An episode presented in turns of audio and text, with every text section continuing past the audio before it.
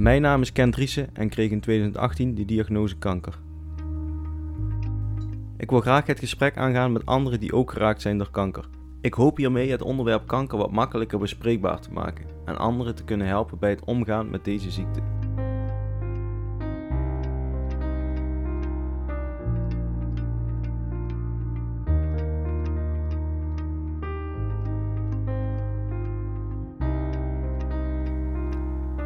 Ik vind het belangrijk om jullie mee te nemen in mijn eigen verhaal voordat ik met anderen in gesprek ga. Hierdoor hoop ik het gesprek voor een ander wat makkelijker te maken.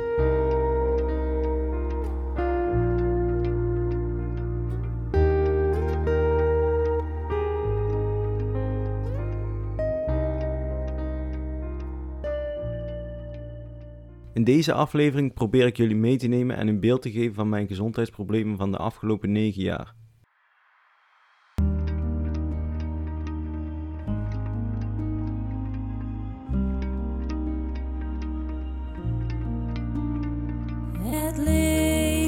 Leven staat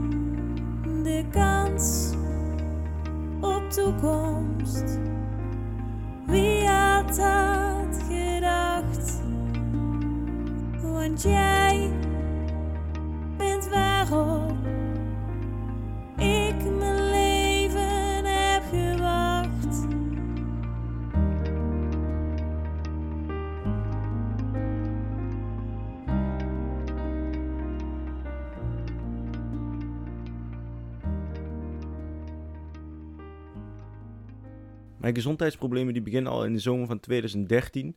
Toen kreeg ik voor het eerst te maken met pijn in de bovenbuik, behoorlijke pijn.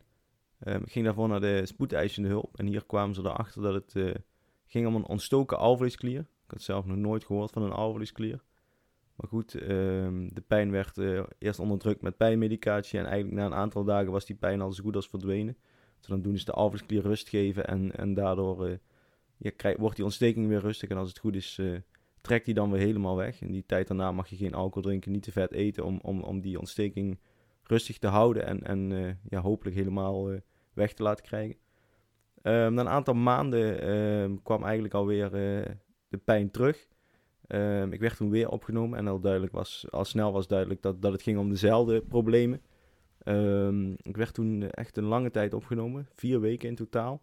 De pijn was moeilijk onder controle te krijgen. De ontsteking die bleef maar terugkomen. Elke keer als ik iets wilde eten, dan, eh, ja, dan, dan kwam die ontsteking weer en dan speelde die pijn weer op. Dus die alvleesklier was echt ontzettend geïrriteerd. Eh, maar goed, na vier weken kwam er eindelijk weer rust in en eh, mocht ik naar huis. Die periode duurde niet zo lang. Er waren ook vier weken voordat ik weer opgenomen werd en de, de klachten weer terugkwamen.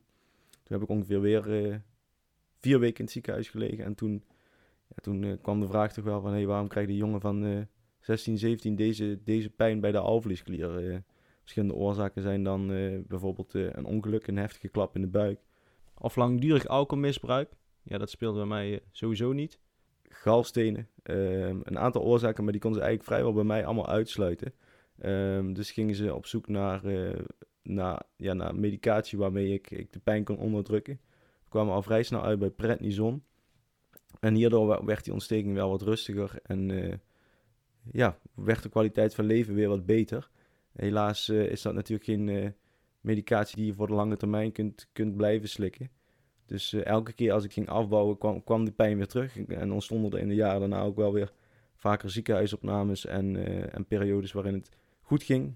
Vaak met hoge dosis prednison. Waarin het slecht ging, vaak wanneer ik wilde afbouwen. Dus dat was best een, een heftige periode. Ehm, op een gegeven moment kwamen ze ook wel achter dat het ging om een chronische alvleesklierontsteking. Eigenlijk kun je daar niet, niet van herstellen, niet van genezen. Dus ik moest, eh, ja, toen ik een jaar of 17 was, moest ik accepteren dat ik eh, de rest van mijn leven deze klachten bleef houden. En mijn, mijn leven heel op en af ging met goede periodes afgewisseld door slechte periodes, ziekenhuisopnames met veel pijn. Ehm, ja, toch, toch leer je dat accepteren na een aantal jaar. eh, ja, leer je daarmee omgaan en dan hoort dat gewoon een klein beetje bij je leven.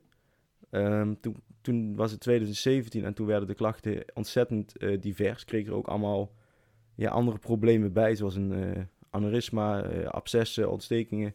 Daarvoor eh, ben ik ook vanuit het streekziekenhuis naar het ziekenhuis in Maastricht gegaan, naar een universitair ziekenhuis.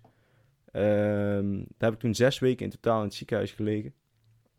Ehm, ja, toen kreeg ze eigenlijk de klachten wel weer onder controle, maar ze hebben niks kunnen doen waardoor het, waardoor het de toekomst er beter uitzag helaas. Ik kreeg een dosis antibiotica mee naar huis en, en weer een hoge dosering prednison en hier moesten we het dan maar mee doen.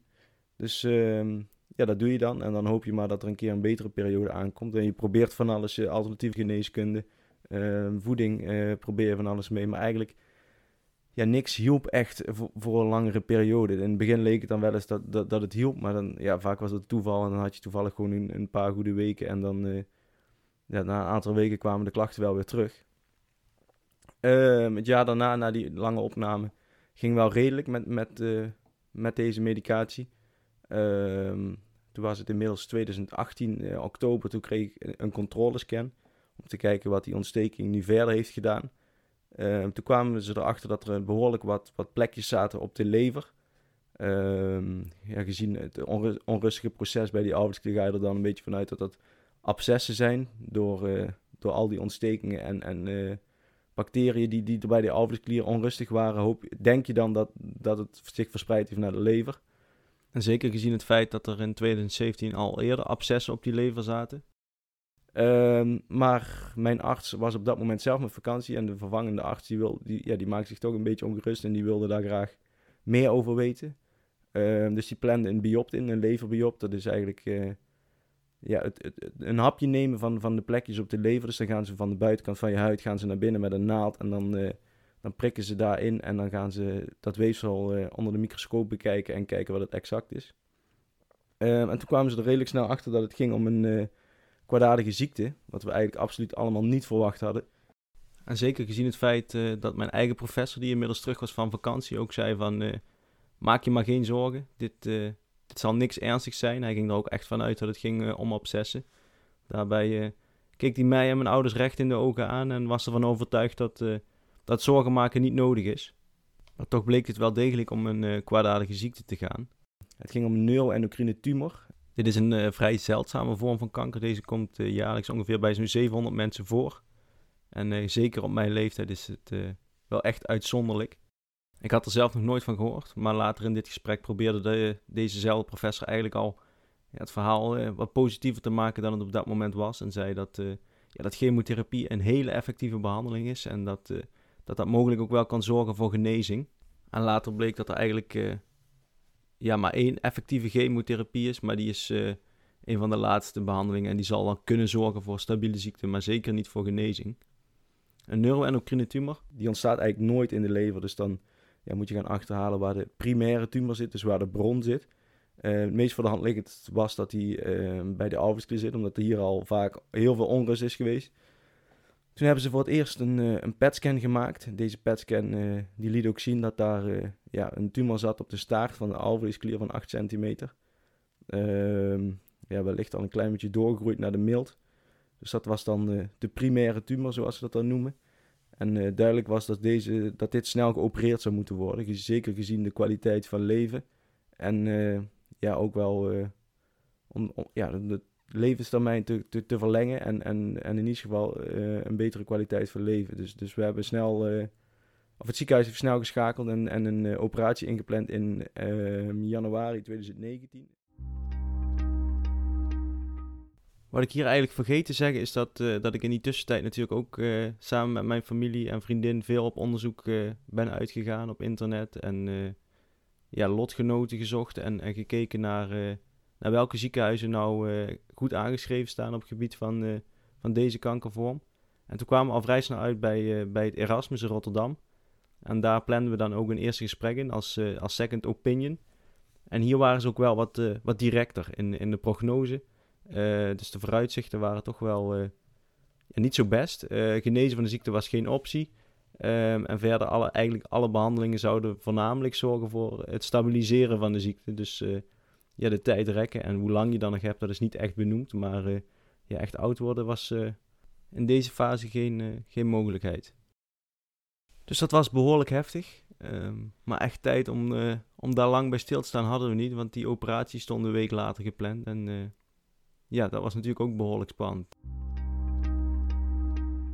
Dus toen waren we een emotionele week verder en toen ging de focus eigenlijk op de operatie. Dit was een open buikoperatie. Dus dan verwijderen ze de staart van de alvleesklier en ja, met een beetje pech ook de mild. Ja, bij mij was de tumor dus al een beetje doorgegroeid naar de mild, dus de mild hebben ze ook verwijderd. Um, het was een operatie van 7,5 uur, dus het was een vrij pittige operatie. Het herstel ging in eerste instantie wel goed. Zeven dagen in het ziekenhuis, toen mocht ik naar huis. En toen twee dagen later ontstond er alweer behoorlijk wat pijnklachten. En daarvoor uh, ja, ontstond er weer een, een, nieuwe, nieuwe opname op de medium care. Omdat ik zo ziek was, omdat er een absces was ontstaan. De alvleesklier was gaan lekken. Uh, dus een aantal heftige dagen gehad. Daarna mocht ik weer naar de gewone afdeling. En toen kreeg ik plotseling een inwendige bloeding. Ja, ik kan wel vertellen dat dat een, uh, een behoorlijk angstig en heftig moment is. Je ziet uh, op dat moment gewoon het, het, ja, het bloed uit je lichaam stromen. In mijn geval in die drain, dus in die zak. Um, dus je zag het gebeuren, je voelde het gebeuren, je voelt de energie een beetje uit je lichaam trekken. Dus dan ja, raak je wel lichtelijk in paniek. En gelukkig was mijn chirurg op dat moment op de afdeling en die schakelde heel snel.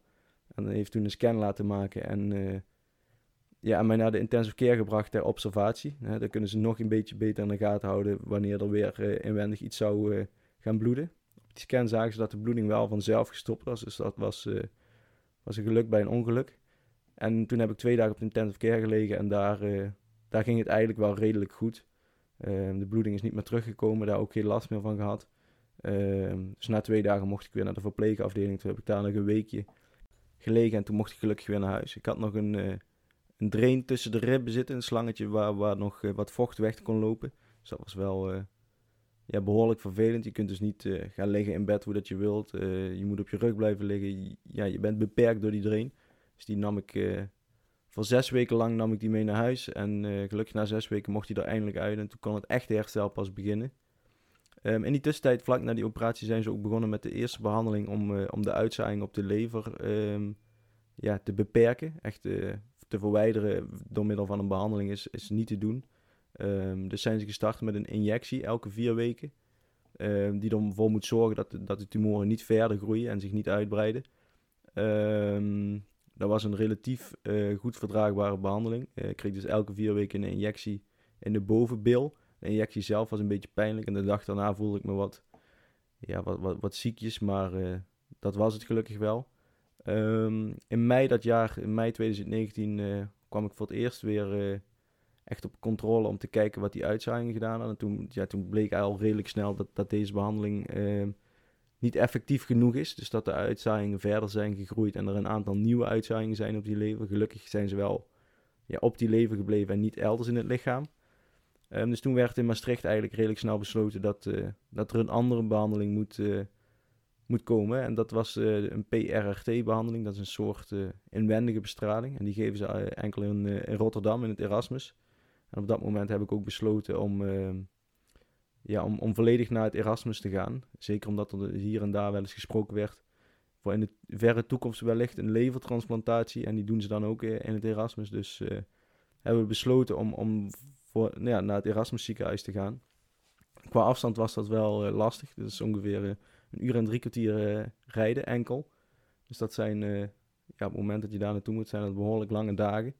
Maar goed, je doet natuurlijk alles om, uh, om de beste zorg te krijgen. Ze zijn toevallig ook gespecialiseerd in deze vorm van kanker. Dus uh, ja, dan, ga je daar, dan ga je daarvoor voor.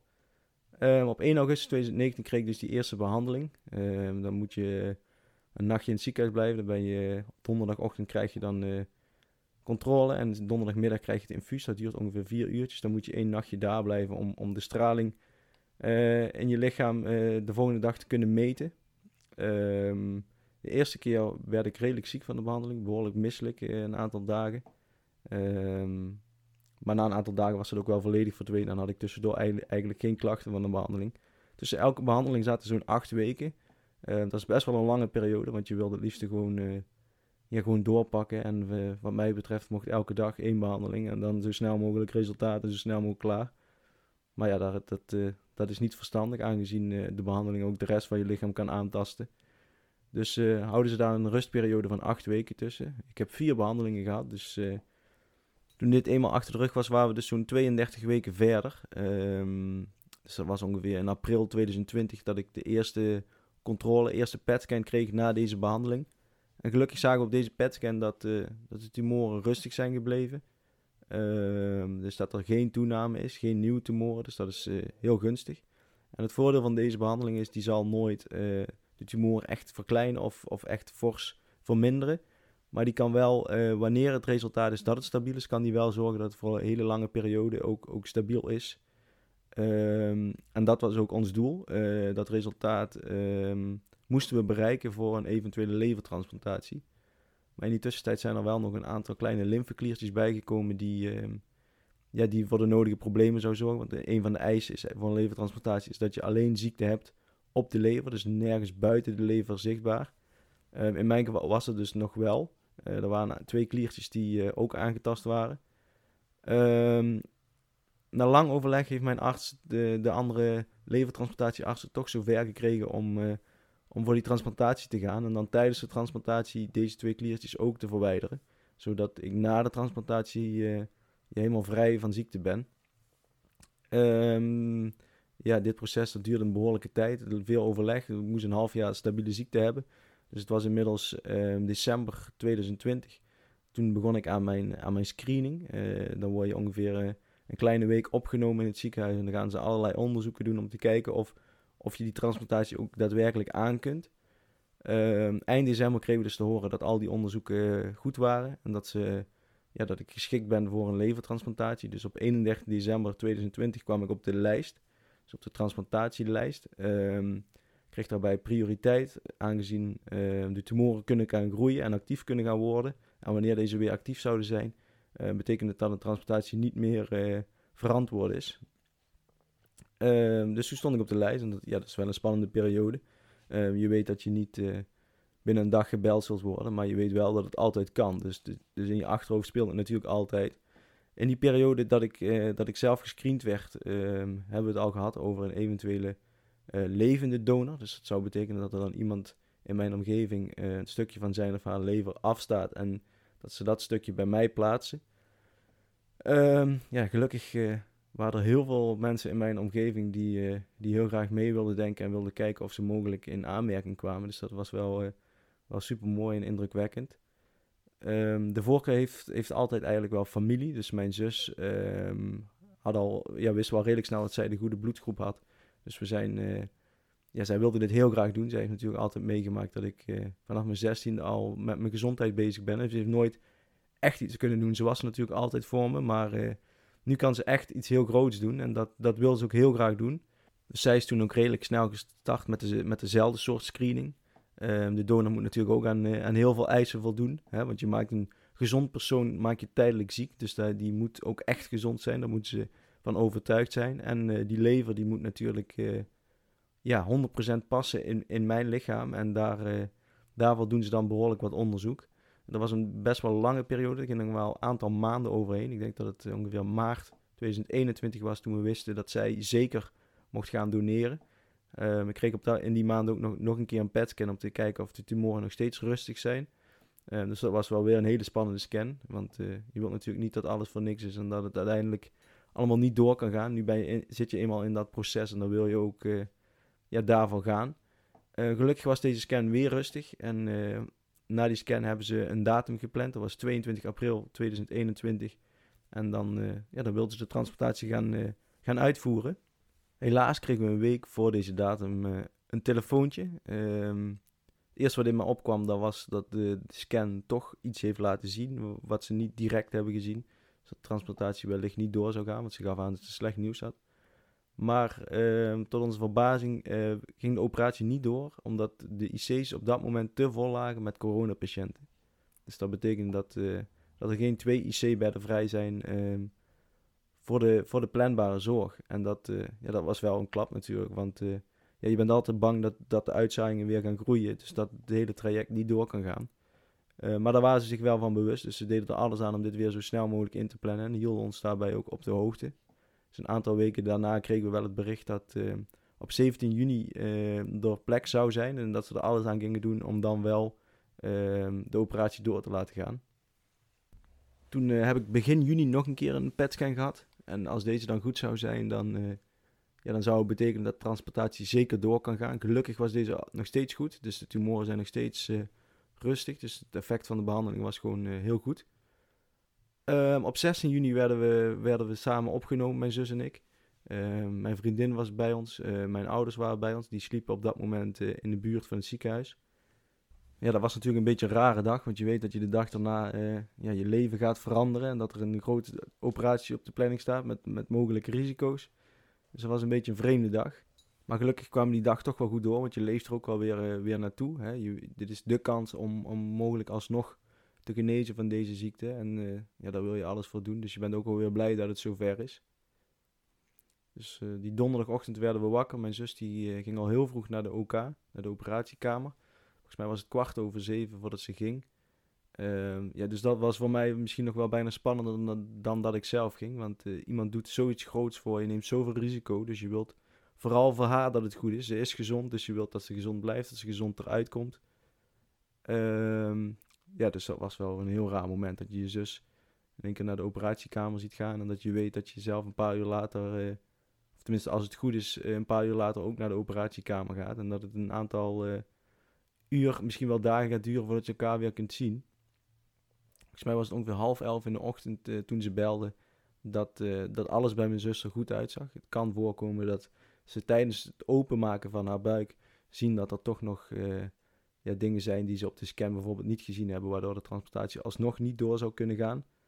Maar gelukkig was dat bij ons niet aan de orde en kon, kon, het, kon het ook bij mij gaan beginnen. Dus om half elf ging ik ook richting de operatiekamer. Um, ja, dat ging eigenlijk allemaal redelijk snel. Ik moest afscheid nemen van mijn vriendin, wat natuurlijk wel, uh, wel behoorlijk spannend was en moeilijk was. Uh, ja, je hoopt elkaar uh, überhaupt natuurlijk terug te zien en, en ja, gezond en dat alles goed is gegaan. En, dus dat is een behoorlijk heftig moment. Maar um, ja, we wisten allebei dat dit nodig was om, om weer samen vooruit te kunnen kijken. Ja, dan kom je daar op de operatiekamer, staan er een, een heel team staat om je heen. Dus dan, ja, dan komen die zenuwen natuurlijk wel wel een beetje naar boven. Maar gelukkig uh, stond er een fantastisch team dat je ook probeert gerust te stellen. En uh, krijg je redelijk snel uh, de narcose en ja, dan, dan ben je natuurlijk weg en krijg je niks meer mee.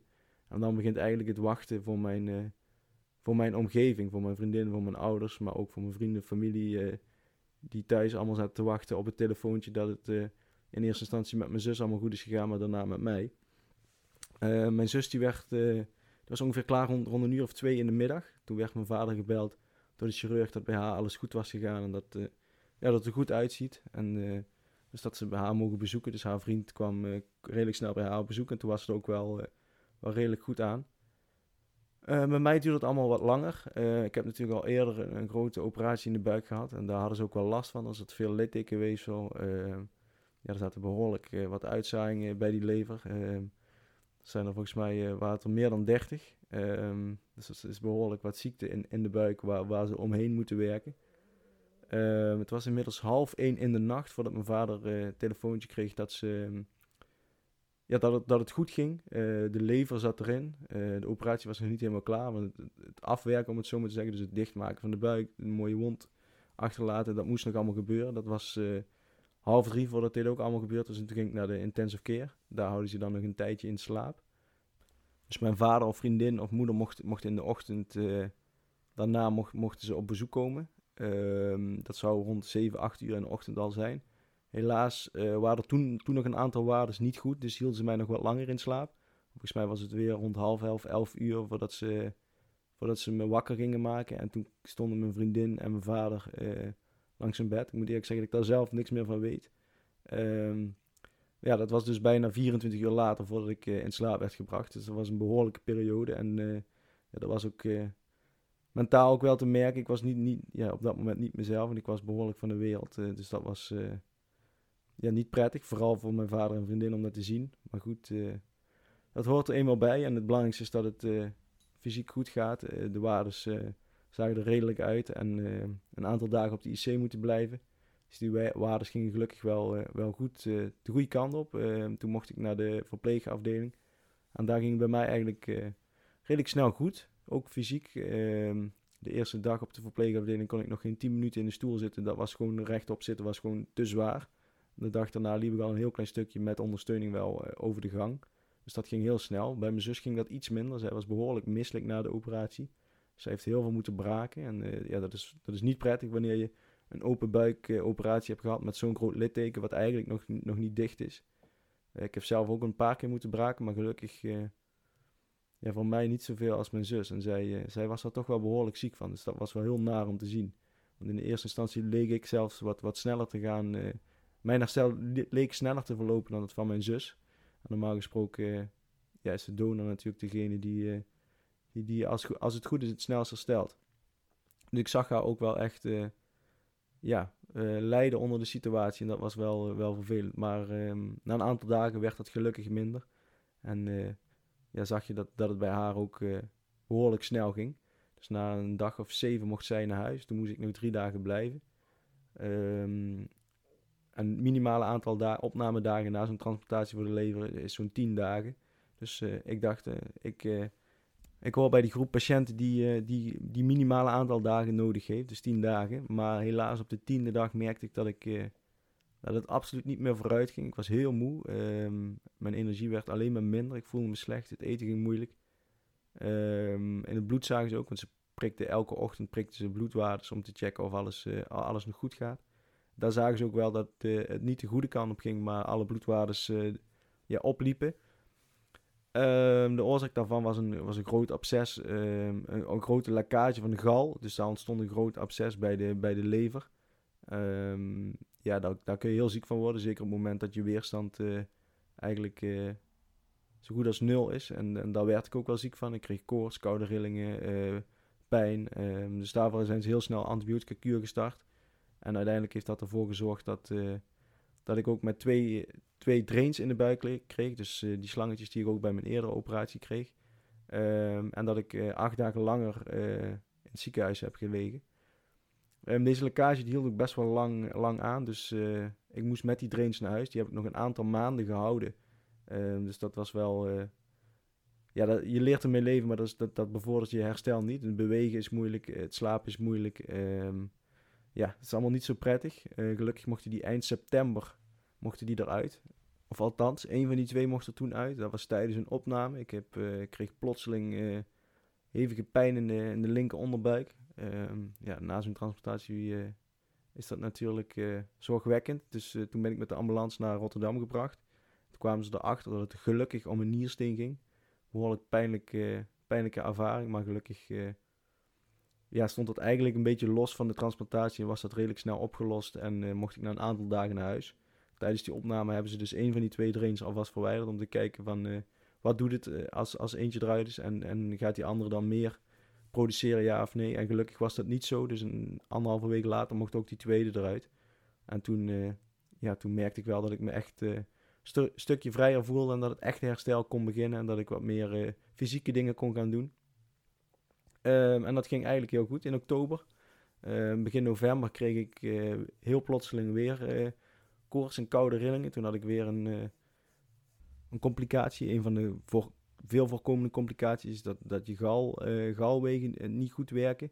Um, eentje die was eigenlijk gewoon ja, waarschijnlijk tijdens de operatie niet helemaal goed, goed verwerkt. Dus die, dus die liep, liep niet meer door.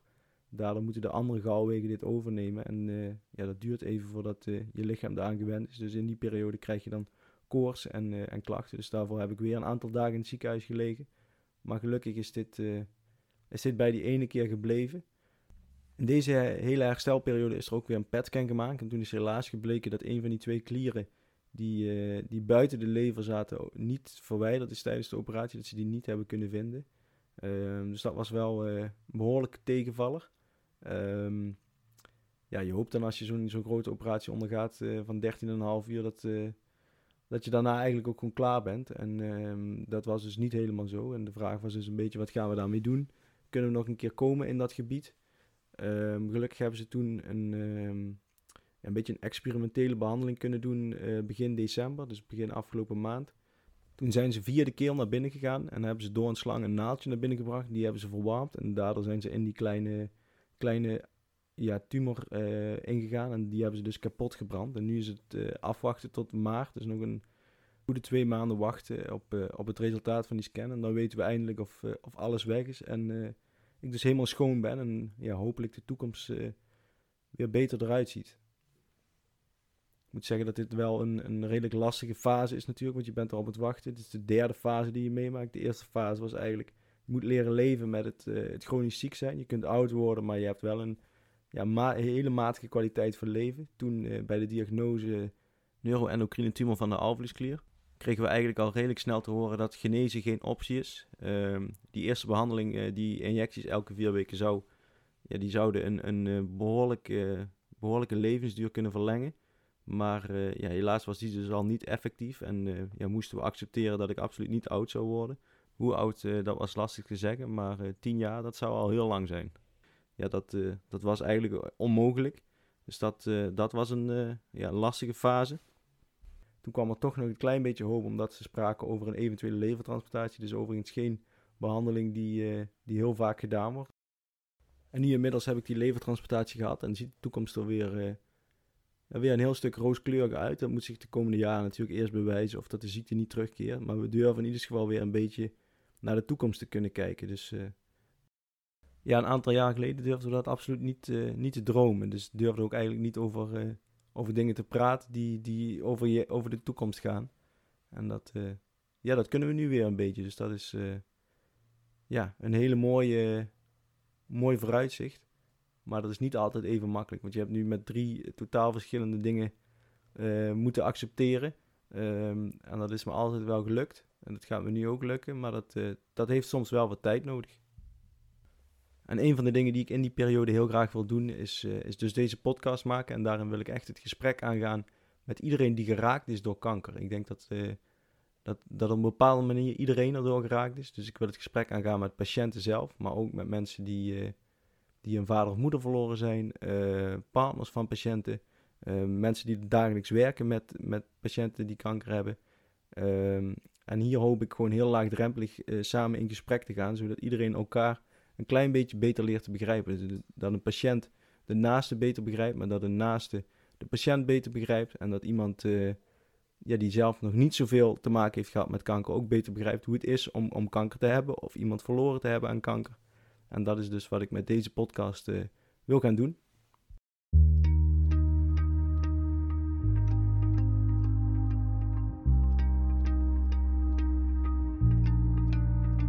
Ben jij ook geraakt door kanker en lijkt je fijn om daarover met mij in gesprek te gaan tijdens deze podcast? Stuur dan gerust een berichtje.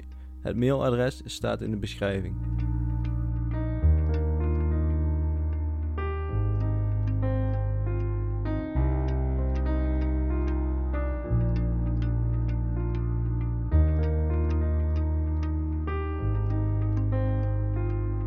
Bedankt voor het luisteren naar de eerste aflevering van de podcast Kankerpraat.